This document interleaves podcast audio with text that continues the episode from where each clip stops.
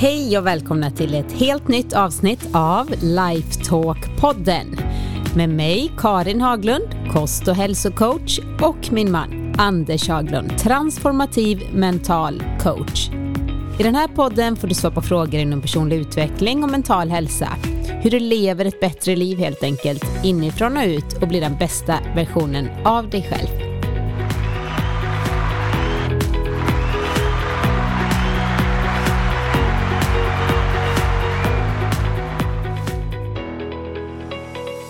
Hej Anders! Hej du där! Glad påsk!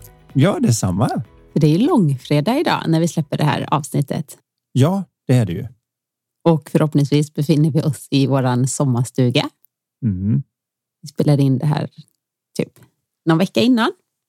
Ja, Planen är ju... så att man hinner redigera och se till att det är någorlunda behagligt att lyssna på allt det Så där. Anders tar bort alla mina små, små ljud som säkert är där. Pling och plonk och jag har lite svårt still. Mm. Mm. Så är det. det Så är det. mikrofonanvändande och sånt som man behöver ha hjälp med. Ja, men ska jag försöka sitta lite mer still idag då så att du Det slipper tycker jag eh, inte. Jag vill ha det sådär animerad och härligt. levande? är. Ja, Ja, okej. det Ja, men då, då får du eh, redigera det sen då, om du plingar och plonkar. Det tycker jag. Ja, men eh, påsk, Påsk, ja. där ser man. Vår. Mm. Ja, det är ju en sån där fantastisk liten grej som först på sistone folk började inse att det är lite konstigt att man firar Jesus död och lidande på ett datum som skiljer sig år från år efter vad är det nu definitionen på påsken är egentligen. Det är väl första söndagen efter eh, den eklassia, eklasiastiska fullmånen efter eller på den 21 mars. Det är något är jättekrångligt, men i alla fall så gör det ju att det blir olika datum varenda år. Mm. Så jag vet inte, det blir lite konstiga gravstenar när det ska liksom hoppet hopp hopp med sex veckors Man tänkte inte riktigt på det, Man tänkte men det är i alla fall en väldigt trevlig högtid. Ja, det är det. Oavsett Och anledning. barnen uppskattar ju att få jaga sina påskägg och ledtrådar och sånt där. Där brukar gör ju vi gå igång på att göra. Och ni som ni tänker, va? Får era barn påskägg? Jag trodde ni var så här hälsonördar. Så ja, de får påskägg. Men de får ingen vanlig godis i. Eh, det, alltså typ godis fast nyttigare varianter. Mm. Nu tror jag inte de lyssnar nu. Vi kanske ska säga vad de får. Nej, men vi brukar ha eh, alltså, lite leksaker, lite sånt, lite pennor, lite grejs. Men sen också mörk choklad gillar de ju. Mm. Eh, och eh, lite så energy bars. Vi har köpt lite fruktgodis och fruktremmar. Och, Ja, det är Mm. skillnad. Det finns mycket äldsta gott kille då. nu som ändå är Han kommer- 12 år ja, och han börjar har hänga ju- med kompisar och tycker att vad ska vi vara en sån här konstig Nej, hälsofamilj? får- Jag vill äta eg- som alla andra. egna pengar nu också Ja. Swish. Så han eh, får säkert i sig en hel del godis. Fast inte här hemma då Ja. direkt. Och nu men- hoppas vi kunna ge lyssnarna lite jag- annat typ av godis. Det ja, finns lite mat för kroppen och mat för själen. Precis, och eh, det leder oss in på den första frågan som är så här. Hejsan! Jag sitter just nu och lyssnar på ert poddavsnitt där ni bland annat pratar kring tröghetslagen, vilket är oerhört intressant. Tillägga att det är avsnitt 37. Fundera på hur det kan komma sig att en del kan jobba tills deras kroppar kollapsar och de går in i den omtalade väggen. Vet att det går att komma till en punkt då kroppen och hjärnan bara stänger ned. Har själv fått lära mig att jag nu behöver programmera om ett nervsystem i obalans genom att visa för kroppen att den är trygg. Förstår dock fortfarande inte riktigt nyttan ur ett evolutionärt perspektiv med att kunna driva sig själv till denna punkt. Det vore väldigt intressant att få höra er syn på detta. Tack för en väldigt bra podd. Med vänlig hälsning Eva. Mm. Tack Eva själv för en väldigt bra fråga. Nu, Nu sätter jag mig tillbaka och så ska Anders få svara något riktigt bra på det här. Åh, skönt att sätta förväntningarna. Det är ganska intressant att vi har ett antal steg och tester alltid för hur mycket energi behöver du ta ut. Det är någon till exempel jag kommer ihåg när jag satt som mental rådgivare för Olympiska kommittén och då fick vi på vissa av träffarna så diskuterar vi det. Vad är gränsen egentligen? För om någon slår ett världsrekord så händer det att man säger nu går det faktiskt inte att hoppa längre. Nu är vi nära gränsen för vad den mänskliga kroppen klarar av och sen är det någon som hoppar lite längre. Nu går det inte att springa fortare och så är det någon som gör det. Så vad går egentligen gränsen? Vad kan kroppen klara av? Och då var det några som började räkna på det där att om verkligen alla muskler tog i åt samma håll och gjorde vad de ska, då kan man hoppa över någonstans kring fyra meter i höjd på världsrekordet är på 2,45. Så det är, har vi bara skrapat på ytan av vad som är möjligt. Nackdelen med om man verkligen kunde göra det är att man förmodligen skulle dö av ansträngningen. Så kroppen har ju ett antal säkerhetsventiler som den använder sig av. Kanske det enklaste sättet som de flesta har varit med om är att om man simmar under vattnet så brukar det oavsett hur mycket man brukar simma under vatten så är det en ganska kort stund tills man får den första lilla stöten som säger upp med dig nu. Vad gör du här nere? Här är inte bra att vara. Är det verkligen en tiger som står och väntar där uppe på vattenytan? Brinner det? Vad är det frågan om? Varför håller du på och simmar här nere? Upp med dig. Om man av någon anledning har viljestyrka nu och säga nej, jag har slått vad med min kompis om att jag ska simma hela 25 meters bassängen. Eller vad det nu kan vara. Om man på något vis säger till att nu fortsätter jag, då stänger det av och så blir det lugnt en stund igen. Sen kommer det en hårdare stöt. Den här hårdare stöten är att nej, nu är du verkligen dum. Är det verkligen jätteviktigt att vara här nere? Borde inte du gå upp och andas lite? För snart kommer du varit här nere så länge att om du tittar upp där uppe så är du så slut att om det verkligen är en tiger så hinner du inte springa undan för du har gjort åt din kraft på att vara här. Vill du verkligen göra åt den här energin i onödan? Tänk om du står inför ett hot lite senare. Snälla, upp med dig. Om du säger nej, jag har ju lovat mig själv att simma hela och mina kompisar står där uppe och jag har sagt att jag klarar att simma hela bassängen. Och så simmar man på så blir det lugnt igen. Det är inte som att man nu tvingas igenom nästa tio metrarna utan nu är det lugnt igen. Och så kommer den hårdare och så kommer den hårdare. Och då har man lite vetenskapligt i varje fall vad jag har sett i några artiklar så har man ungefär sju sådana varningar innan man hittas medvetslös nere på botten. Och det här är enligt dem som är Navy Seals och sådana här som faktiskt pressas tills dess att de drunknar och så plockar en dykare upp dem och räddar dem så att säga för de ska veta var gränsen går. På samma sätt fungerar vi verkar som i övrigt att det finns ett motstånd varje gång vi ska göra någonting. På grund av att tänk ifall det händer någonting där du verkligen behöver den här energin alldeles strax. Tala om för mig att du behöver verkligen det här. Annars tänker inte jag släppa på. Och även om jag släpper på så släpper jag inte på fullt blås. Jag släpper på den mängd som verkar behövas nu och sen tänker jag fråga igen. Är du riktigt säker? Är man ute och springer kan man också märka det. Man känner som att det går inte, det går inte, jag är så trött. Och sen kommer man in i vad man ska kalla andra andningen och så plötsligt tänker man det här är ju lätt som helst. Men så nästa gång man kliver på med den där lilla tröttheten där kroppen då frågar på riktigt. Ska du verkligen springa mer nu? För att om du stannar nu så är du så slut att det skulle kunna komma en kattunge och brotta ner dig. så det är bra att vi har de här säkerhetsventilerna. Många tar det som någon sorts lathet och att det är svårt att komma igång och svårt att överbrygga och varför ger jag upp mitt i projektet och så vidare. Skulle man kunna säga att kroppen talar till oss? Ja, det tycker jag definitivt. Mm. Nu, nu är det lite så. Det blir en separering här som om Nej, kroppen är något är ju, annat än jag. Nej, precis. Men jag menar fys, alltså vi får fysiska signaler. Hjärnan får mm. eh, och kroppen. Liksom, det är det jag tänker just med vi pratar utbrändhet och gå in i väggen. Det sker aldrig över en natt och det sker aldrig utan att kroppen har kommunicerat med oss om Nej. att vi är på så att säga väg. Eh, men vi har ofta kört över, precis som vi har. Nej, det här är viktigt och så har vi liksom kört över de här små varnings, eh, vad kallar du det? Alltså det här. Säkerhetsventiler. Ja, säkerhetsventilerna. Vi har kört mm. över dem. Eller så har vi inte ens varit medvetna för vi har inte lyssnat, vi har inte känt in, vi har inte varit i oss själva. Och det är faktiskt en fråga som kommer upp när jag coachar elitidrottare och andra för att hur ska man veta nu om jag verkligen behöver vilan eller om jag bara är lat och alla de andra kan springa förbi och vara bättre för de tränar men det orkar inte jag. Det finns ju alltid de här hjältehistorierna med Gunde Svan som tittade ut genom fönstret och såg att nu är det så eländigt väder att inte en jäkel vill träna inklusive mig så då lägger jag in ett dubbelt pass och kommer man mycket längre förbi de andra som inte tränar idag. Och det är ju häftigt, men det är också ett säkert sätt att bränna ut sig. alltså, vi gör det i business överallt. Jag måste bara göra det här nu. Många entreprenörer som startar företag, de säger att nu ska jag jobba hårt tre, fyra, fem år och sen när jag har det här självspelande pianot, då ska jag sitta hemma och casha in.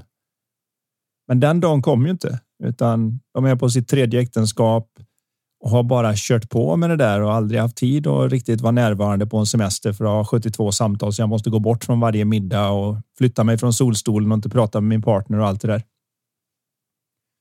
Det här är ju allt för känt och då kör vi igenom de här ventilerna och till slut så känner man inte längre. Det är lite som törst, vill jag påstå. Äldre människor har kunnat bli så pass förtorkade att signalen inte ens funkar längre. Så fast hela systemet ser så uttorkat ut, det ser man ju att det är liksom en gammal människa, nästan som en brun planta. De går sällan med en så här vattenflaska i handen liksom. Och, nej. Utan de, nej, en kopp kaffe tack. Ja, det räcker med en kopp kaffe för mig. Det behöver man inte dricka. Så man bara kissnödig. Det är ett elände nu på den tiden. Så att, om, vad som händer är att det stänger av. Men om de börjar dricka, om man kan få dem att börja dricka så switchar det på igen. Det här är ju väldigt naturligt, så om bara kroppen får en chans att vara där, då vill den ju dit. Det är bara att vi har gjort det normalt att inte lyssna på alla säkerhetssignaler som jag har på vägen och att veta ungefär hur många av de här har jag innan jag faktiskt går in i kris. För är det kris så är det klart vi måste klara av att trycka igenom ett antal. Finns ju en del. Jag vet inte hur verifierade storyna är, men det finns ju en del historier och det sägs även ha varit fångat på film där en mammas eh, bebis hamnar under en lastbil och mamman går fram och lyfter hela lastbilen fram vid hjulet, alltså inte hela lastbilen som Stålmannen, men lyfter upp tillräckligt för att kunna dra ut barnet. Och efteråt trillar ihop och har brutit ryggen på sju ställen. Det innebär att någonstans har det nu klickat till så mycket som säger, vet du vad, jag tänker inte ens fråga dig om sju nivåer. Jag tar dig till nivå 12 direkt bara. Här får du fullt allt. blås. Här ja. får du allt. Nu hoppar du fyra meter om det behövs. Och, och då ser man också vad kostnaden är. Men det är ju att naturen gör någon sorts bedömning där och säger ja, men jag har ett helt nytt liv som jag har gått och burit på här som har hela livet framför sig. Så nu, nu släpper alla säkerhetsventiler och så får här, varsågod fullt blås. Kärnkraftverket kommer explodera, men du får en jäkla massa kraft. Så vi har ju allt det här i oss och det gäller att vara medveten om att det spelar ingen roll.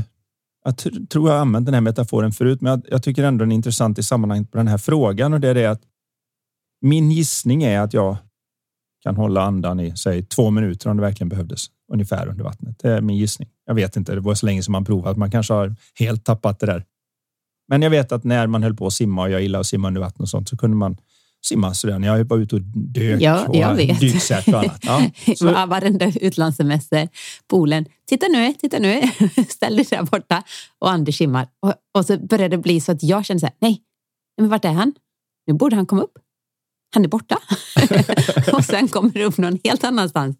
Här är jag. Bara, Åh herregud, vad mm. långt du simmar under vattnet. Ja, men det är en sån där grej som jag bara tyckt att det är. Men man är ingen pärlfiskare direkt från Indonesien eller de som kan hålla andan 7-8 minuter. Det finns ju de som har tvingats upp ända upp på 16, 17, 18 minuter till och med. Det är ju helt galet. Jag tror det är något sånt sjukt världsrekord på det där hur länge man ligger. Det finns de som inte gör annat. Ja, men de det som... säger vi. Det vet vi inte. kan vi inte verifiera för det låter ju helt galet. Men i alla fall, ja. det går att hålla Oavsett, andan. hålla andan väldigt länge. Så säg nu att jag åker till Indonesien och så tränar jag med de där människorna. Och så låt oss säga att jag lyckas komma upp på 6-7 minuter istället för mina två genom träning ett par år eller jag vet inte hur lång tid det tar, men att vänja kroppen vid att vara utan så länge. Det är ju fantastiskt, nu kan jag göra så mycket mer. Är som om jag går till gymmet och tränar och första gången så är 40 kilo jättetungt och sen står jag med 100 kilo och trycker rena uppvärmningsvikten. Så kan jag utveckla kroppen, men här är det viktigt att komma ihåg i samband med den här frågan. Även om jag nu har lärt mig att hålla andan i sju minuter, så om någon håller mig under vattnet i sju minuter och 15 sekunder så drunknar jag. Det finns ju en gräns och den gränsen finns för den verkliga delen. Om vi säger den världen i form, alltså när jag knackar på saker runt omkring med det här som är där ute i världen. Vi har olika organ i kroppen. Vi har ett skelett. De vi har vissa begränsningar. Det vi gör misstaget är att tro att den begränsningen gäller inne mellan öronen, för det gör den inte. Där är det imaginärt, där är det fullkomligt formbart. När de säger så här. Åh, jag är så sårad så det här kommer aldrig gå över. Ja, så länge du håller på och tänker på det så känner du dig så sårad. Men du skulle kunna förlåta och gå vidare nu. Det är bara att vi tycker inte att det är okej, okay, för då är man ingen bra person så man hänger tag i det. Men där finns möjligheten i varje fall. Det finns inte den här.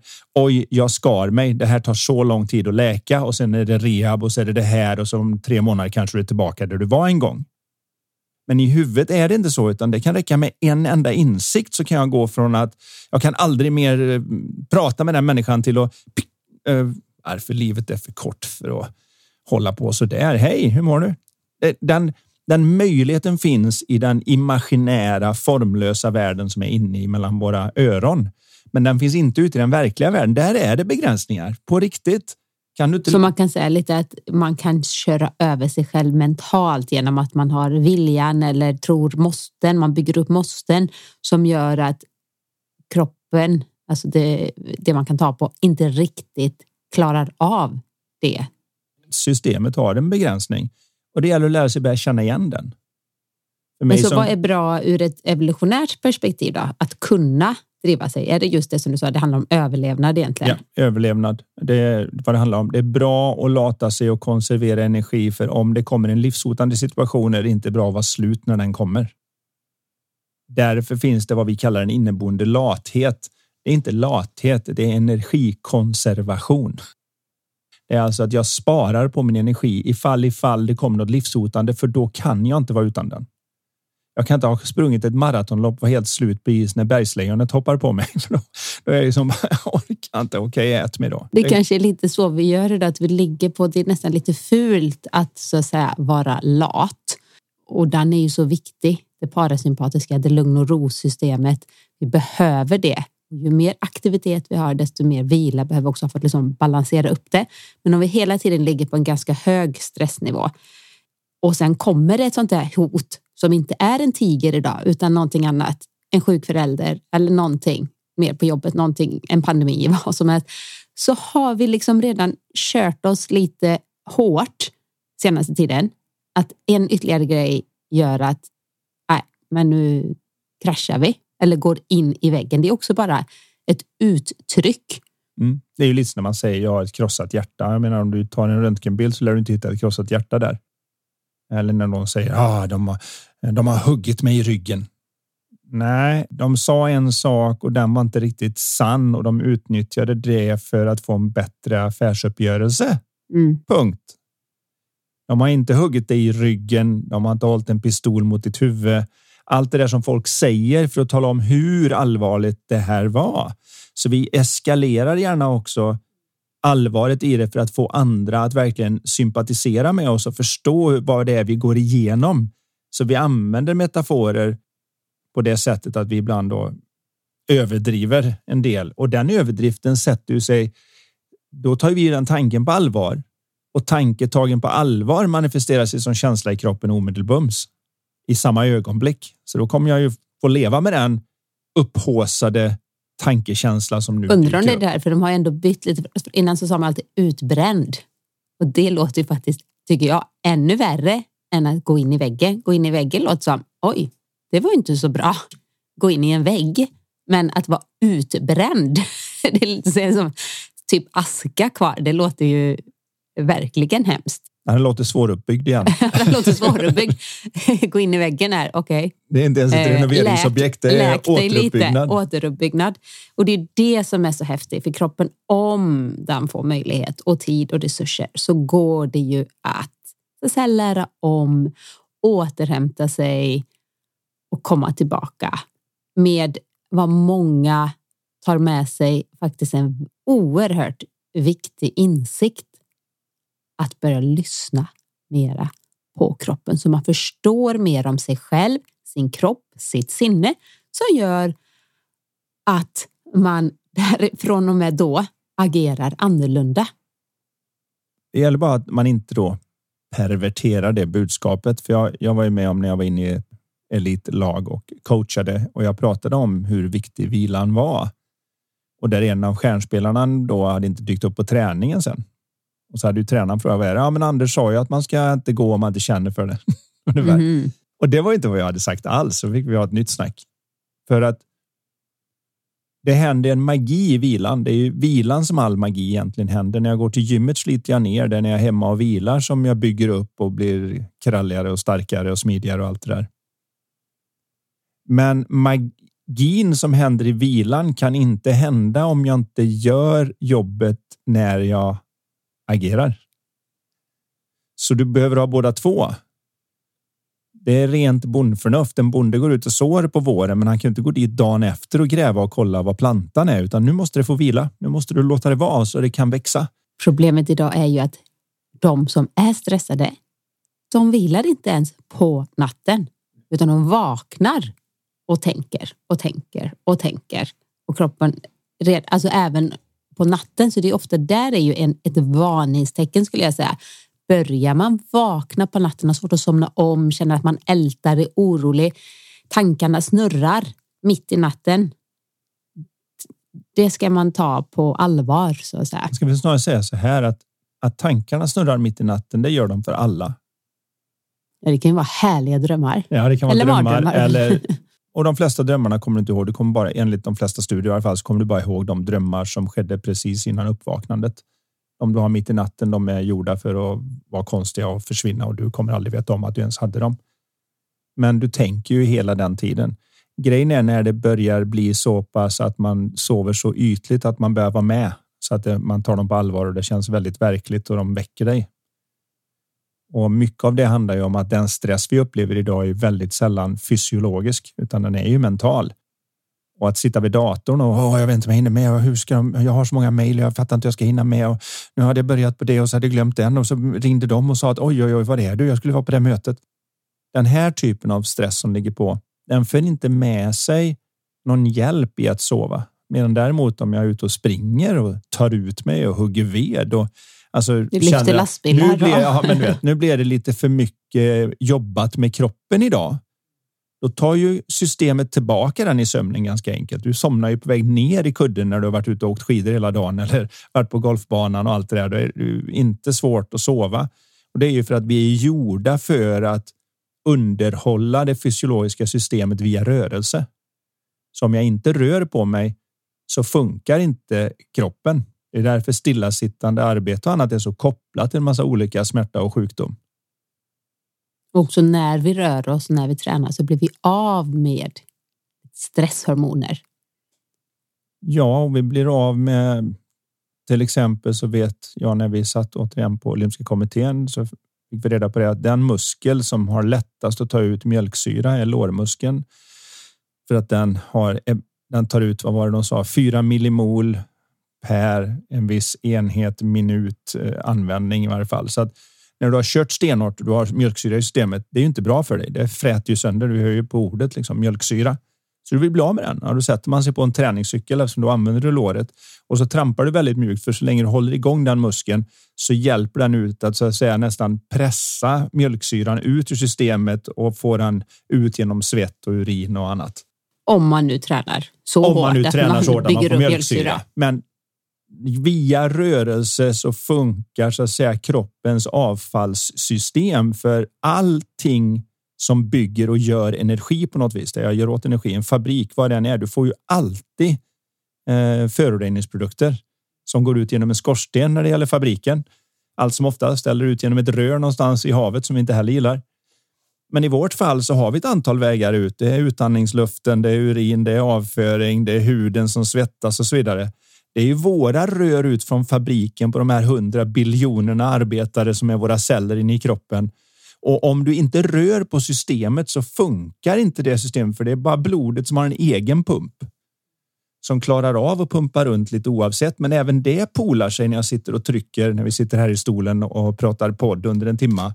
Så till slut så känner man att man måste byta position för att blodet polar där och nu, nu kommer det inte fram på ett så bra sätt och då känner man automatiskt att nu är det dags att byta position. Det är därför vi vill att ni som lyssnar på podden, ni behöver ju inte sitta så här still som jag nu har blivit tillsagd att sitta, utan ni kan ju göra upphopp, ut och springa, ut och gå, alltså röra er, städa, greja i trädgården, bara, ha hörlurar bara, och lyssna på oss. Det är hur bra som helst. Bara påminner själva om att din kropp är gjord för att underhålla sig själv via rörelse. Vi vet när det gäller ett hus att jag måste måla vissa grejer som är utsatta för väder, vind och sol. Jag behöver gå in och fixa med vissa maskiner och allt vad det kan vara som behöver oljas och fixas. Cyklar ska ut nu på våren och det står man med sin cykelolja på rostiga gamla kedjor från att de har stått still under vintern och så vidare.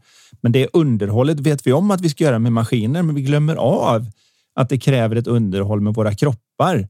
De är bara så sköna eftersom de är levande material att allt du behöver göra i stort sett det är att ut och röra på dig, dricka till med vatten och få in lite näring så den har byggmaterial och smörjolja. Och vila och sen, då. Och sen sköter hela systemet om det här. Det är ju en galet god mm. deal. Så sammanfattningsvis, att det går är egentligen att går att, så att säga, helt totalt köra på tills hjärnan stänger, stänger ner. Det är en ren överlevnadsgrej att det, att det går, men det går ju med en massa, massa, massa varningar. Ja, och Säkerhetsventiler långt som innan har... du gör den, det kräver också att man inte lyssnar på vägen fram och att man hela tiden då säger att nej, det står en tiger där uppe ovanför vattenytan och väntar på mig, så jag måste simma en liten bit till och en liten bit till och en liten bit till och till slut så ligger man på botten. Men att du har den, att du har de här säkerhetslinjerna på vägen fram är också en överlevnadsfunktion för att du ska inte ta mm. ut för mycket i onödan. Men att du kan gå igenom är också för överlevnad, för ibland så måste du faktiskt gå igenom de här för att nu kan du inte säga det att nej, jag vill springa riktigt så fort. Ja, men lejonet bryr sig inte om dig just nu. Du behöver hinna fram till trädet först. Du får återhämta dig sen. sen När, så länge du, du överlever så hinner du återhämta dig. Senare, ja. Mm. Men då kommer du nog ligga några dagar. Eh, när du Men det är det vi oftast i dagens samhälle inte tillåter oss att göra. Så att lyssna på kroppen, och det pratar jag jättemycket om i mina onlinekurser och så vidare. Att, att verkligen, ju bättre vi blir på att känna in, lyssna in, känna av dagens form det första vi gör på morgonen, hur kroppen känns och så vidare ju bättre vi blir på det lyssnandet, desto enklare blir det. Och desto, det, det är nästan som att kroppen blir tydligare med sina signaler, vilket den inte kanske blir, utan vi blir så mycket bättre på att lyssna. Jag tycker det är en fantastisk fördel. Det känns som att jag hela tiden blir guidad i. Jag kan känna liksom rulla fram yogamattan och så ska jag verkligen yoga nu? Ja, så jag kan känna liksom att men jag är lite övertränad nästan. Ja, men okej, men då gör jag lite yin-yoga. Alltså jag kan bli guidad om jag lyssnar och inte bara, fast det är måndag, jag ska. Nej, det, det, finns liksom, och det finns ingen annan person som kan sätta ett exakt träningsprogram eller exakt så här mycket ska du sova, utan vi behöver lära känna oss själva. Vi är, hur många är vi nu igen? Miljarder? 7,8 biljoner. 7, eller Nej, jag menar eh, människor på planeten. Ja, 7,8 miljarder. miljarder. 7,8 miljarder människor. Typ, och vi är så på engelska. unika varelser. Det finns ingen exakt, men att bli bättre på att lyssna på. Man ska ju veta det att även om vi är som snöflingor där inte en enda annan är likadan så varje snöflinga är unik. Så om du tittar på ett snöfall så är det bara snöflingor överallt. När det gäller människor, vi ska nog inte gå för långt med den här unika biten, för vi är också extremt lika på alla nivåer där det räknas. Mm. Vi är både lika och olika. Ja, ingen är exakt likadan, precis den där snöflingan. Det är som men, men alla, är, alla är snö. Liksom. Så att vi har så mycket där vi är lika, för det är lätt också att känna sig som det är bara jag som går igenom det här. Det är bara jag som undrar det här, men vi är så lika alla de här 7,8 miljarderna att nej, vi har väldigt mycket andra problem. går igenom det här. Och Det är därför det är så intressant när man svarar på en fråga. Jag vet ute på seminarier och annat så är det ju så att när någon väl räcker upp handen och ställer en fråga så ser man ju att de som får ut mest är ju någon annan än den som frågar. För att de nu kan slappna av och lyssna när det inte är de som är on the spot. Mm. Och en sak till jag vill säga då när vi ändå påminner om det här med det evolutionära, hur man funkar. Så jag brukade lite skämtsamt säga när jag höll optimal hälsa seminarier att det står någonstans att man ska behandla sin kropp som ett tempel, inte ett verktygsskjul där man bara slänger in lite vad som helst och tycker det gör ingenting för det är inget som är ömtåligt där. Om man kunde komma ihåg den så skulle vi börja märka av att det här går ner med utbrändhet och annat. Kan vi se att vi kan faktiskt hämta oss lite snabbare än vad vi kanske tror att det här inte. Det här har inte riktigt den enorma begränsning som man har sett. Men det är klart, fortsätter jag som jag brukar, tänker som jag brukar, då fyller jag hela tiden på. Det blir ju som att ha ett par skor som ger en en blåsa. Om du tar på dig samma skor och samma skor och samma skor och samma skor så har du till slut en valk där för att kroppen skyddar sig mot att ha skav på exakt samma Och ställe tänker där just den säkert, skon har idiot, varför köper du inte nya skor? Ja, varför tar du inte Hallå? andra skor om de här klämmer? Jag, jag säger ju att det gör ont där. Ja, precis. Men om du fortsätter med det så får du en valk. Det vet Ja. ju du som körde konståkning där konståkningsskridskor ska ju sitta ungefär som bergsklättrarskor. De ska ju sitta så tajt så de klämmer ihop allting för det ska inte vara något som rör på sig. Det var jättemånga, alltså jag och flera eh, av mina eh, kompisar hade ju såna här, vad säger man, ja, men typ förhårdnader eller brosk på hälarna. Nu har de faktiskt, Börjat försvinna ja, efter att du har varit borta från eh, tävlingsskridskor i Alldeles för 20 år. Då har de börjat försvinna. mer Men- än 20 år. Men det visar ju också att kroppen litar ju inte på att du ska vara så smart att du inte tar på dig skor som inte egentligen är bra för dig. Den tänker det är nog bäst jag håller kvar det. Hon kan vara dum nog att börja igen. Mm. Så det är samma sak med de här frågorna, men allting, precis som Eva ställde här i frågan, så är det ju så att det har en evolutionär förklaring att av någon anledning om vi har det så fanns det en fördel med det. Och fördelen med det är just den här att det ska finnas extra energi att ta ut om vi tycker det är tillräckligt viktigt. Problemet är att vi har gjort allting viktigt nu. Mail är viktigt, men det Ja, men handlar det ju inte om allt. överlevnad. Så det, det kan vara bra att påminna sig Beror på själv. mejlet. Ja, jag vet inte. Men Nu tar vi nästa fråga, Anders. Det vi kan prata jag. hur länge som Vi skulle kunna göra ett avsnitt bara om det här. För Ja, det är så förmodligen. intressant. Men eh, nu kommer vi in på en annan intressant fråga. Eh, En viktig fråga. Hej, snälla kan ni komma med lite tips hur man kan tänka gällande det som händer i världen just nu? Alltså jag känner mig väldigt stressad, orolig och rädd att det går ut över barnen. Jag försöker hålla en bra balans när vi pratar hemma kring nyheterna och det som händer, men samtidigt har jag svårt att hålla ihop det själv. Jag dövar mina känslor med mat, online-shopping när barnet har somnat, barnen har somnat. Känner inte igen mig själv även om tendenserna funnits där tidigare. Kan inte snälla ta upp detta i er kloka podd? Vore så tacksam att höra er prata om detta. Tack! mm. Mm. där har vi återigen ett klart exempel på en sak som man kan känna att usch vad jag står inför detta. Men som alla står inför i någon form. Eftersom vi har det oskyldiga missförståndet fram tills nu. Och jag vet att den som har lyssnat på podden mycket kanske tycker att hallå, nu säger du det igen. Men jag tänker fortsätta säga det tills det börjar gå hem. Det oskyldiga missförstånd vi har haft ända sedan människans begynnelse har varit att det vi känner kommer från utsidan. Med andra ord, blir jag rädd så är det för att någonting har skrämt mig ordentligt. Blir jag stressad är det för att jag har för mycket att göra och så vidare. Och så vidare. Men alla känslor kommer utifrån. Och om känslor kommer utifrån, då är lösningen på att om jag har en känsla som jag inte gillar och jag vill ha en annan känsla, då måste jag ändra på det där ute eller undvika det som gav mig den känsla jag inte vill ha. Och det har gjort att vi har mängder med olika förströelser och vad jag kallar vidskepelse som vi pågår med, som vi håller på med. Och med vid, vidskepelse, för att definiera vidskepelse som jag ser på det, det är att vi försöker oss på en handling som vi tror ska ge en, ett utfall, men det är inte kopplat till varandra.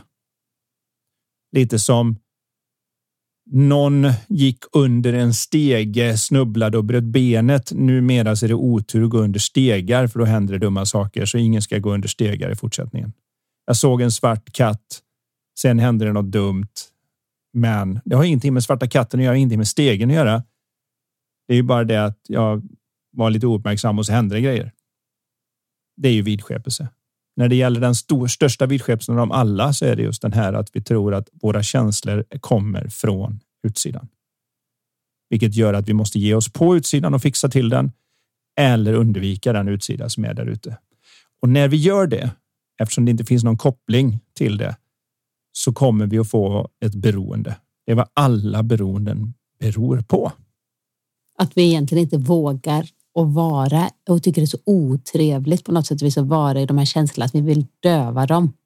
Ja, det är väl mer så att när man känner sig lite hjälplös i det hela. Vi säger som många har det. Man eh, kommer hem, man har en familjesituation man inte gillar. Det är ganska jobbigt. Ens partner och så vidare kanske inte funkar riktigt som man har hoppats på ja, när man då försöker i början så försöker ju alla liksom. Ja, men om jag gör så här, om jag säger så här, om jag gör det här, om jag försöker fixa på, med mig själv, om jag försöker fixa med dem, då ska väl känslan ändra på sig. Men eftersom känslan inte är kopplad till det så spelar det ingen roll hur mycket jag gör av det så ändras inte känslan och då känns det hjälplöst för att till slut hamnar man i det läge där det känns som att det spelar ingen roll vad jag gör. Varför försöker jag ens? Det är bättre att jag är singel för resten av livet eller något om vi nu pratar förhållanden. Det är dit man hamnar. Och i den hjälplösheten, eftersom vi nu ändå vill ha de här djupa känslorna av att vara med andra, vi är sociala varelser. Ja, då får jag försöka förströ mig så man sätter sig och tittar på grejer som man egentligen inte behöver titta på på Youtube eller går ut och shoppar eller det kan vara vad man normalt sett ser som positivt. Man ger sig ut och springer. Men man springer lite mer än vad man borde och man börjar bli skadad. Och det börjar bli det som tar över hela livet för att problemet med ett beroende eftersom det inte funkar, det är att det fungerar precis som en drog. Så säg att någon tar kokain för att det känns tomt i livet och så känner de sig lite mera woohoo party. Nästa gång de gör det så får man väldigt sällan effekten. Så istället för att säga wow, det gjorde inte vad jag trodde att det skulle göra.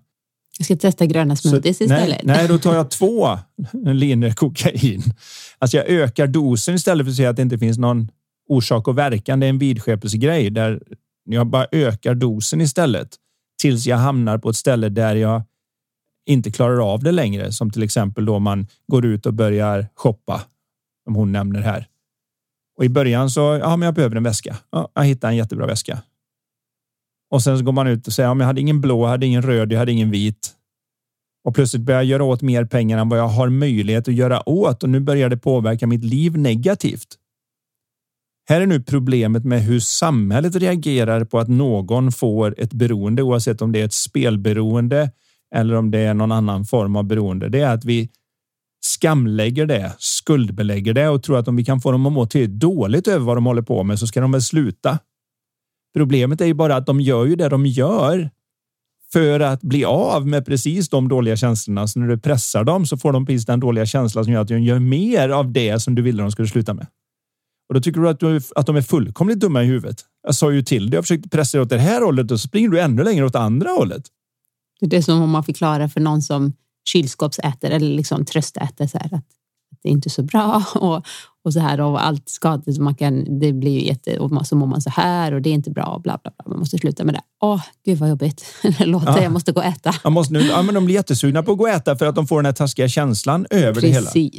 Och du försöker kanske tala om för dem att har du ingen disciplin, har, har du liksom ingen eh, förmåga att stoppa din högra hand från att stoppa grejer in här? Har du ingen viljestyrka? Vad är problemet? Hoppas jag att det inte finns någon coach som beter sig riktigt så. Men om det skulle vara så. Men, eller om man, men man mm. kanske gör det med sig själv för att det är så man har lärt sig att man gör. För att det var ju så de flesta föräldrar uppfostrade sina barn var ju genom att när det inte hände något så straffar man dem. Alltså när det går till ditt rum. Nu är det nog. Nu får du inte ha den där för något mer. Och det vet vi ju själva hur lätt det är att falla in i samma trall när man inte när man känner att nu är jag lite hjälplös och vet inte vad jag ska mm. göra. Så till slut så får man liksom säga nu får du inte ha din mobil eller något som biter eftersom inget annat biter. Men problemet är ju återigen den här att man försöker straffa dem in i ett bättre beteende och bestraffningen ger en dålig känsla och den dåliga känslan leder till att de gör mer av precis det du ville att de skulle sluta med för att det var därför de gjorde vad de gjorde. Jag tycker det är väldigt insiktsfullt att den här personen ändå är medveten om beteendet och att det har funnits där innan. Så det är inte konstigt om redan det beteendet var lite säga, rubbat tidigare och med all då kanske liksom extra stress och oro och lite ångest över allt det här som sker. Just hjälplösheten, det tror jag många upplever att det finns vissa saker man, man kan, kan göra. Man kan skänka pengar, man kan försöka liksom finnas, vara en bra medmänniska kan man inte göra så där supermycket. Och det kan yttra sig i hjälplöshet och då om tendensen innan ha, finns där redan så blir det ju lätt att man spär på det destruktiva beteendet. Så Men det jättebra gör man även på den bli medveten om det. Det gör man även på den positiva sidan som du nämnde nu, att skänka pengar och känna att man har någon möjlighet att göra skillnad och så vidare. Det är ju fantastiskt, men inte när jag gör det för att bli av med min egen känsla. Inte för att jag är medveten om det, men om jag skulle vara riktigt ärlig så är det ju ofta så att nu gör jag det här så att jag slipper ha dåligt samvete över vad som händer. Jag har gjort något i varje fall. När vi gör det för att hitta den, då blir det ett beroende. Så att även om det kan verka positivt och trevligt så kan det bli så att säga shoppingen. Att, ja, Men hur kommer man ur detta då? Ja, hur man kommer ur cykeln är det första att se att, och den här är lite klurig, men om man väl kan börja se det och det är just det här som vi pratade om innan. Allt jag känner kommer från mina tankar som jag tar på allvar. Det hjälper inte vad man gör på utsidan. Nu kommer det här exemplet lite annorlunda, men jag hoppas att det hjälper någon. Någonstans. Jag kommer inte ihåg vad de heter alla tre, för jag tror de var tre som fick Nobelpriset för att de nystade upp hela det mänskliga genomet och DNA. Jag vet att två av dem heter Epstein och Crick. Det var en tredje. Jag vet inte om han var japan eller något och fick ta del av Nobelpriset. Spelar inte så stor roll för historien, men jag vill bara ta upp det. Men de nystade upp hela DNA och talade om här är vad det ena är och här är vad det andra är och det här styr dig och så vidare. Varför berättar jag nu om detta? Jo, i Indien så är det ju faktiskt så här att en man som gifter sig med en kvinna och kvinnan bara får döttrar så anses det att på något vis så har den här kvinnan misslyckats med att föda söner. Hon anses ju som den som ska ha ansvaret för det här. Och det kan hända en del ju som att de skär av dem och i deras samhälle där det fortfarande är så att mycket av ekonomin är knutet till mannen. Så innebär det att om mannen säger nu tar jag min hand ifrån dig och lämnar henne med fyra döttrar och säger jag inte tänkte göra något för er. Det är ju katastrof. Det är ju liksom inte bara det att hon ska försöka försörja sig själv. och har fyra barn och hon har inga medel att göra det så som samhället är uppbyggt än så länge. Så det är, det är ju en rejäl bestraffning. Men det kan också vara att man blir slagen eller till och med att det finns en del stollar som kastar syra i ansiktet på de här kvinnorna när de antingen blir avvisade för att gifta sig eller då till exempel när de inte har fött rätt antal söner. Det här är ju inte hela landet och sånt så inte det ringer in folk och säger jag har något emot indier eller nej, det är ett exempel. Om vi nu tar de där få stollarna som gör sånt här som då får resten av folket och verkar dåligt för att det är några stollar som gör det. Men om vi tar någon av de där som nu har fått för sig att jag mår så dåligt över den här situationen och min kvinna har inte gjort sitt jobb. Så straff. Jag kastar en flaska syra, syra i ansiktet på henne så kommer hon aldrig mer ha någon annan och så där. Om den personen kunde bli utbildad i att, vet du vad? Epstein Crick de här när de nystade upp alltihopa så visade det sig att könsbestämningen sitter i spermien. Så ska du kasta syra på någon nu så får du rikta den till ditt eget ansikte. Då blir det lite jobbigt. För de har ju antagit på något vis att kvinnan är en dålig jord som inte tar emot sådden på rätt sätt och det blir fel planta som växer. Men det visar sig att hela, hela själva könsbestämningen är vilken spermie som hinner fram. Då verkar det lite löjligt. Om man nu förstår jag säger att det här är lika stort, lite Nobelprisaktigt. Om jag väl förstår att de känslor jag har på daglig basis kommer från mina tankar och inte från annat. Då kommer jag att kunna ta helt nya beslut för att jag vet att den här känslan kommer från mig, så jag ska inte ge mig på utsidan. Dessutom då tillägga att, att inte känslor är farliga på något sätt. Känslor har ingen, kommer inte med liksom en kraft att slå ner en utan det kan kännas så. Men de kan inte det. Eftersom vi bara kan prata om det med metafor skulle jag vilja försöka förklara att känslor är den skugga som tanke lämnar efter sig. Så om ni lyssnar på det här där solen lyser eller ni har någon inomhuslampa och så håller ni upp en hand eller något och skuggar någonstans så kan man säga att vad en tanke gör, alltså när du rör på fingrarna och så, så kommer skuggan göra likadant och det är känslan som är där. Men vad är egentligen en skugga? Jo, det är bara avsaknad av ljus. Skuggan är bara där när jag på något vis kan minska ljuset. Så i samma stund som jag inte tar min hands rörelser på allvar så lyser det igenom fullt och har ingen skugga. Mörker kan inte kämpa emot ljus. Alla filmer, alla böcker genom alla tider i mänsklighetshistorien har sett det som en kamp mellan mörkt och ljust, ont och gott. Men det är en ojämn kamp. Det kanske kan vara svårt att titta på med tanke på vad som pågår i världen och sånt, men det är fortfarande en ojämn kamp därför att mörker är avsaknad av ljus och allt som behövs är att jag ser igenom den där tankebluffen så kan inte mörkret ta mig. Det kan kännas så. Åh, gud, jag har ångest. Jag har det. I samma stund som du ser igenom att den här känslan kommer från mig och mina tankar Då verkar det första vara, ja, men hur ändrar jag på dem då? Kan du hjälpa mig att se till så jag aldrig mer tänker de här tankarna då? Hur gör man för att ändra på dem eller reframa dem eller bara acceptera dem och låta dem gå? Vad ska jag göra? Ingenting. Om du ser att det bara är tankar kan de få hänga kvar hur mycket de vill. Precis som när du tittar på en scary film och du går upp i den i samma ögonblick som du kommer ihåg att det är en film du tittar på. Så förstör du liksom upplevelsen lite grann för. Wow, kolla hon står där mm, och skriker i högan sky över det hemska monstret som inte ens är där för det är 3D-genererat Eller senare. att man tänker så här, den här filmmusiken när det är skräckfilm. Åh, den är så, jag ryser bara nu jag ja, tänker på det. Men om man då påminner sig själv om att just det, den här musiken du nu hör, den är ju skapad exakt för att man ska få så här rysliga känslor i kroppen. Det är inte på riktigt. Det är bara en riktigt bra Kom ihåg en sak som är... Ja, men här är lite intressant ju mer du måste förklara för dig själv på det sättet som du precis gjorde, där man säger att kom ihåg att den här musiken är bara gjord för att du ska Nej, men Jag menar om man sitter så och kollar på en film och ja. tänker så, att man, man vill ju vara rädd. Det är ju ja. gjort för att vi just då, dun, dun, dun, dun, oh, alltså det är ju gjort. Vi, vi köper ju den här filmen eller laddar ner den eller ser den för att väljer man en skräckfilm så vill man väl bli lite rädd. Ja, ja, det är ett val man gör. Eller en komedi, utan det, alltså det Skrämd på ett säkert bort, sätt upplevelsen om vi ska försöka analysera det. Ja, men om du kan se det. Men det är en stor skillnad på att säga att jag vill förändra det och säga att och förstå att eftersom det är en tanke så kan den inte göra någonting med mig. Jag behöver inte vara rädd för den. Den kan vara kvar. Den kan hänga var den vill.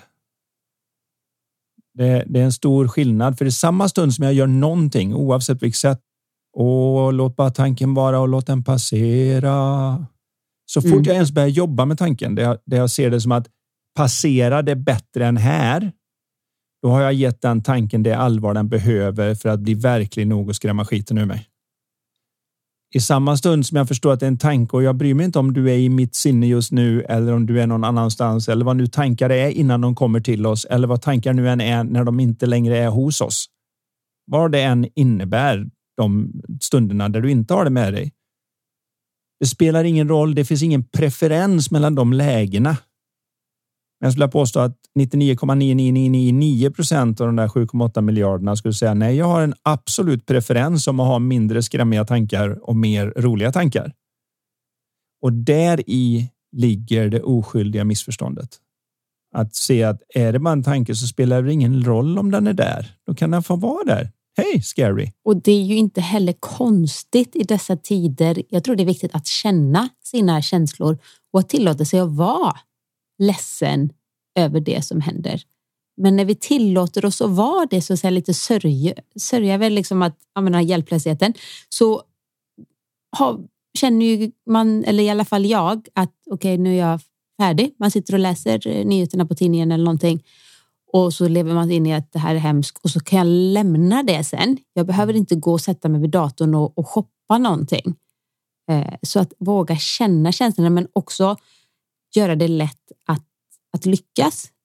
Både ja. förståelsen och det gör det ganska självklart att inte gå och äta någonting. Men det kanske inte, för vissa kan det ske över en, en podd kan göra att ah, jag fattar, så gör man det inte mer. Men om man känner att man ibland trillar dit. Kan det inte vara bra med det här vi har pratat om innan, gör det lätt för att lyckas? Det är en sån fundamental grej för att de flesta som faller dit, om du ska kalla det så, mm. har satt någon form av lika med tecken mellan att ha de här känslorna och att vara en bra människa. Alltså med andra ord, den som kan se vad som pågår i Ukraina utan att bli berörd till den gräns där man nästan gråter och behöver gå och tröstäta i kylskåpet eller något. Är inte en lika fin person som den som gör det. Jag säga att det är, eh, finns en viss uttalad kulturell grej där att ja, hon är orolig och hon är stressad, men gud vad hon är snäll och fin. Den, den finns med som att det finns ett likamedstecken mellan att vara en fin människa och ha de negativa känslorna. Som att den som inte har dem är mindre värd på något vis. Och så länge den ekvationen finns i tankesystemet hos en person så är det ju nästan omöjligt att låta bli. För om jag låter bli är jag inte en bra person. Jag är hellre en bra person och har det jobbigt än har det bra och ser på mig själv som att jag är en psykopat som inte, inte funkar som jag ska.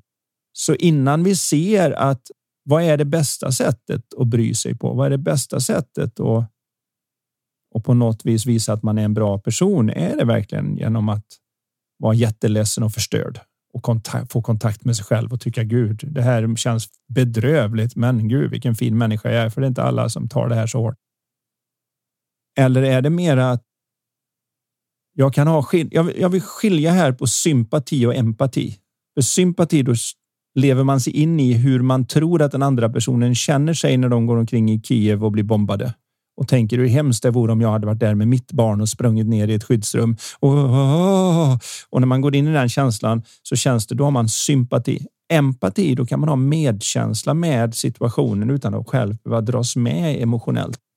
Det är inte någon skillnad på den och då är jag förmodligen mer rationell i, i hur jag hjälper till och på vilket sätt jag stöder och att jag stöder med lagom mycket. För det är klart man vill hjälpa till, men vill inte samtidigt ruinera dig själv. Så att det blir som något sätt spelberoende och skänka pengar. Utan vi vill ju hela tiden ha den här mentala klarheten i hur vi beter oss och den, den är svår att ha så länge jag har det likamedstecknet mellan fin människa och att vara orolig, pressad och osäker. Och då blir min enda ventil då, inte säkerhetsventil, men en, min enda ventil för den där känslan, det blir att förströ mig så jag slipper tänka på det. Och då måste jag välja någonting som för stunden gör att jag kan låta bli att tänka på det. För när jag tänker på det så går jag ner i de där känslorna. Och då säger man att man lever i förnekelse och allt vad det kan vara. Men det är det inte. Jag bara förströr mig via eh, shopping, via mat, via träning, via sex, via vad det nu än är som människor har valt. Alla väljer någonting där. För vi Dataspel tänker jag. Dataspel kan man använda. Och det är samma sak där. Det är en skillnad mellan att se, ja, men jag, jag vilar genom att göra den saken. Man ser på hur mycket det blir, om det är ett beroende eller inte. Och man märker också på hur dåligt mår den personen när de inte får göra det. Alltså med andra ord blir det som att just nu kan jag inte ens vara i den här konversationen för att jag funderar på om inte jag måste bara kolla om de där skorna fortfarande halva priset. Okej, okay, då, då är det något annat för nu, nu har jag svårt när jag inte. Det är också ett väldigt säkert tecken på beroende att jag har liksom hamnat i ett ohälsosamt läge. Mm. Men om man är i det läget att nej, jag softar lite grann. Vad ska vi göra? Och så lägger man undan och sen tänker man inte ens på det på fyra timmar när man är ute på picknick. Ja, då, då har du förmodligen inte ett jätteproblem. Men om det är liksom som att hur länge ska vi vara här tills jag kan göra det där igen? Hur länge ska vi vara här tills jag kan göra det här igen? Jag är inte riktigt närvarande, men jag ska göra det här snart. Kan jag? Kan jag? Kan jag? Kan jag? Ja, då har vi. Då har vi ett annat strul liksom som vi behöver tänka på och vägen ur återigen. Det är förståelsen att det jag känner och går igenom kommer från mig själv och mina tankar. Om jag kan känna det kommer det från mig, inte från utsidan. Då kämpar jag inte längre mot den stora stygga världen och måste ändra på hela kriget i Ukraina, måste ändra på Afghanistan, måste ändra på svält i Afrika, måste ändra på politiska systemet i USA och vad det nu än är som håller på att uppröra mig. För det är ju enda lösningen. Om mina känslor kommer från det om jag någonsin ska kunna må bra då, då måste ju allt ändra sig och det kommer ju inte hända. Utan det är när jag börjar se att jag kan obetingat komma till den där sköna känslan oberoende av det.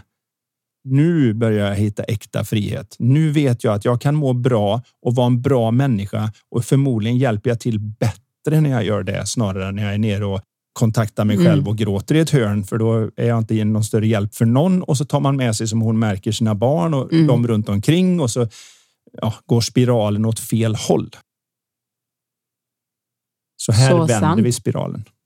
Här vänder vi spiralen med en förståelse. Om det nu är någon som sitter och lyssnar eller går helst eller rör sig och lyssnar och tänker vad han är klok, han är Anders Haglund, så kommer jag eh, på är att jag kan faktiskt tipsa om ett retreat som vi har i oktober som vi har släppt platser till nu. Så om man vill vara garanterad en plats på det här fantastiska retreatet som är en hel, alltså en och en halv dag kan man säga, där man får lyssna på dig ihop med Jesper Karon som mm. också är eh, omkring här Borås. Humörstränare tror jag är mm. hans titel.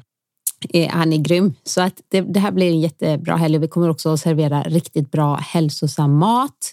Eh, både växtbaserad men också animalisk. Man kan, man kan välja eller hur man vill äta. Eh, men på två skyttlar där jag har haft mitt hälsoboost event och det var så himla lyckat så därför körde jag nej men nu kör vi ett mentalt retreat. Mm. Så att säga. Tid för återhämtning, reflektion, prata med er, ställa frågor och få lyssna och låta insikterna skölja över sig på en harmonisk, härlig plats.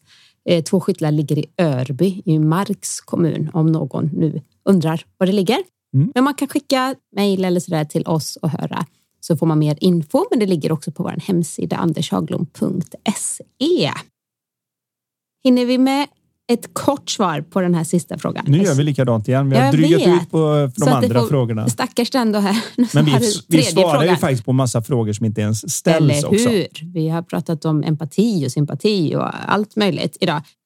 Men den här frågan tänkte jag ändå vi skulle ta upp. Vi får se om vi kan göra ett, ett snabbt svar. För det är så här, jag skulle gärna höra era tankar och resonemang från ett citat som jag gillar. Den längsta resan man kan göra i livet är den från hjärnan till hjärtat. Och hur, om detta citat kan koppla an på ett transformativt ledarskap och kanske även vad detta citat skulle innebära i ett team som genomgår stora förändringar på kort tid. Och denna frågan är från Fredrik. Många citat låter väldigt bra. Man förstår ju vad det är personen försöker säga, att intellektet har en tendens att styra utan att hjärtat är med riktigt och då blir det inte bra. Därför att vi tittar framåt kanske för mycket på som många läkemedelsbolag gör nu för tiden där det går för mycket på vinstintresse snarare än att det ska bli bra för folket. Eller något liknande. För mig så handlar det om att den resan är digital i viss mån. Skillnaden på digital och analog är att en analog är en dimmer. Du kan liksom gradvis få lampan att lysa mer eller mindre. Digitalt så är den, den är på eller inte på. Och när den inte är på, då verkar resan dit vara enormt lång. Men när den väl klickar till och man får den där insikten, då upptäcker man att nej, det har aldrig varit någon separation mellan hjärna och hjärta. Den har aldrig funnits där. Den har varit en illusion som jag har skapat via mina tankar och mina metaforer över hur det fungerar. För där inne återigen gäller inte de vanliga mekaniska fysiska lagarna på samma sätt som de gör ute i världen. Det kan... Den skulle kunna vara den kortaste resan man kan göra i livet. Ja, den, den kan, mellan hjärnan och den kan, den kan vara ögonblicklig. En... Precis. Men den kan också vara en livstid. Så man är, det kanske viktigaste att förstå här är att man är aldrig mer än en förståelse ifrån. Jag gillar ju då, om jag ska ta ett eget citat, så Maya Angelou, den svarta författarinnan bort från USA som var väldigt känd. Hon dog för några år sedan, 93 eller 94 år gammal. Jag tyckte det var lite coolt då att hon hade redan förberett sig team och släppa en sista tweet. Hon var på Twitter. Och den sista tweeten, alltså när hon har gått bort, så stod det hennes namn. Det stod födelsedatum och dödsdatum och så under så stod det vad hon ville skulle vara skrivet. Då hade hon skrivit så här. Men vad hon säger nu? Vi ska se om jag får till det här på svenska för det ska översättas. Eller säg det på engelska först. Ja, i did the best I could. And when I understood better, I did better. Med andra ord, jag gjorde så gott jag kunde och när jag förstod bättre gjorde jag bättre. Och det är ett väldigt fint sätt att säga att det är inte att gå tillbaka och klandra sig för saker man har gjort, för man gjorde det man då i den stunden klarade av och hade förutsättningarna för. Och först senare när jag förstod bättre, då tittar jag tillbaka på det och säger vilken stolle jag var. Hur kunde jag ens tro på det där? Men det är inte att banka det i huvudet. Det har blivit lite av en för stor sak, speciellt inom politiken, att man tar vad någon sa 93 och så plockar man fram det nu och säger det har de sagt då. Ja, men då var det inget konstigt. Alla sa de orden. Alla uttryckte sig så. Men nu är det inte politiskt korrekt och så tar man fram det och använder det som ett vapen 2022. De sa det en gång i tiden. Ja, men det, var, det, det är en skillnad där och det är samma för oss i våra liv. Vi gör så gott vi kan och när vi förstår bättre så gör vi bättre. Och det är en av de stora delar som jag vill vara med och bidra till, både genom podden och coachbrev och seminarier och allt vad det nu än är. Det är just den där. Kan man hjälpa någon att förstå lite bättre så gör de bättre. Så i ett team till exempel här då eh, och ledarskap och ett team så är det egentligen precis det du säger. När man förstår bättre så blir det automatiskt bättre Ja, när vi väl förstod att jorden inte var i mitten så försvann så enormt mycket vidskepp så det verkar löjligt att skära halsen av en gris för att få solen att gå upp. Det verkade konstigt att dansa runt en stång och mörda en oskuld för att få bättre skörd. För att när vi väl förstod att vi var en liten blå planet som åkte kring solen och att vi inte var i mitten, ja, då vet vi att solen gör vad solen gör oavsett vad vi håller på med. Så det är lite löjligt att göra allt det där. Och jag vill påstå att vi är i samma läge mentalt nu. Vi håller på att slakta en hel del offergåvor in i våra huvuden och vi tänker om jag mår så här illa, då borde väl allt gå bra. Om jag säger så här, om jag lider en sån här lång stund, då kan jag väl få bli lycklig. Om jag hackar på mig själv ännu hårdare nu så borde jag aldrig göra om det här misstaget igen. Så då kan jag äntligen må bra. Vi är inne i den offerkulturen där inne och vi ser inte att vårat humör det svänger som humöret svänger oavsett hur mycket vi offrar våra personliga grisar och oskulder inne mellan öronen. Och när vi förstår det, ja, då förstår vi bättre och då verkar det plötsligt löjligt och så går offerknivstillverkningen ner i hela världen och även mellan våra öron. Väldigt fin avslutning på ett eh, väldigt bra poddavsnitt.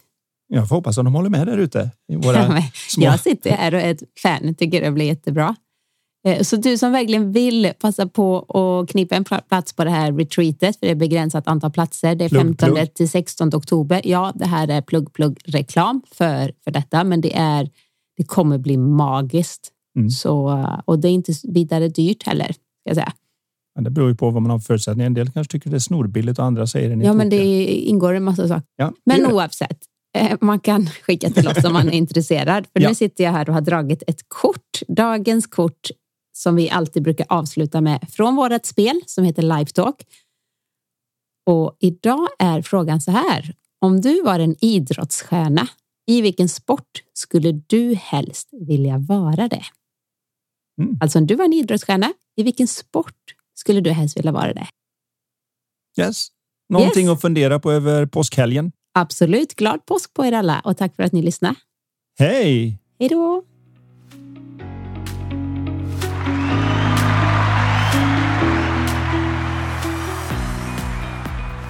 Du har lyssnat på Lifetalk-podden. Vi vore så tacksamma om du vill lämna ett betyg och eller recension i iTunes.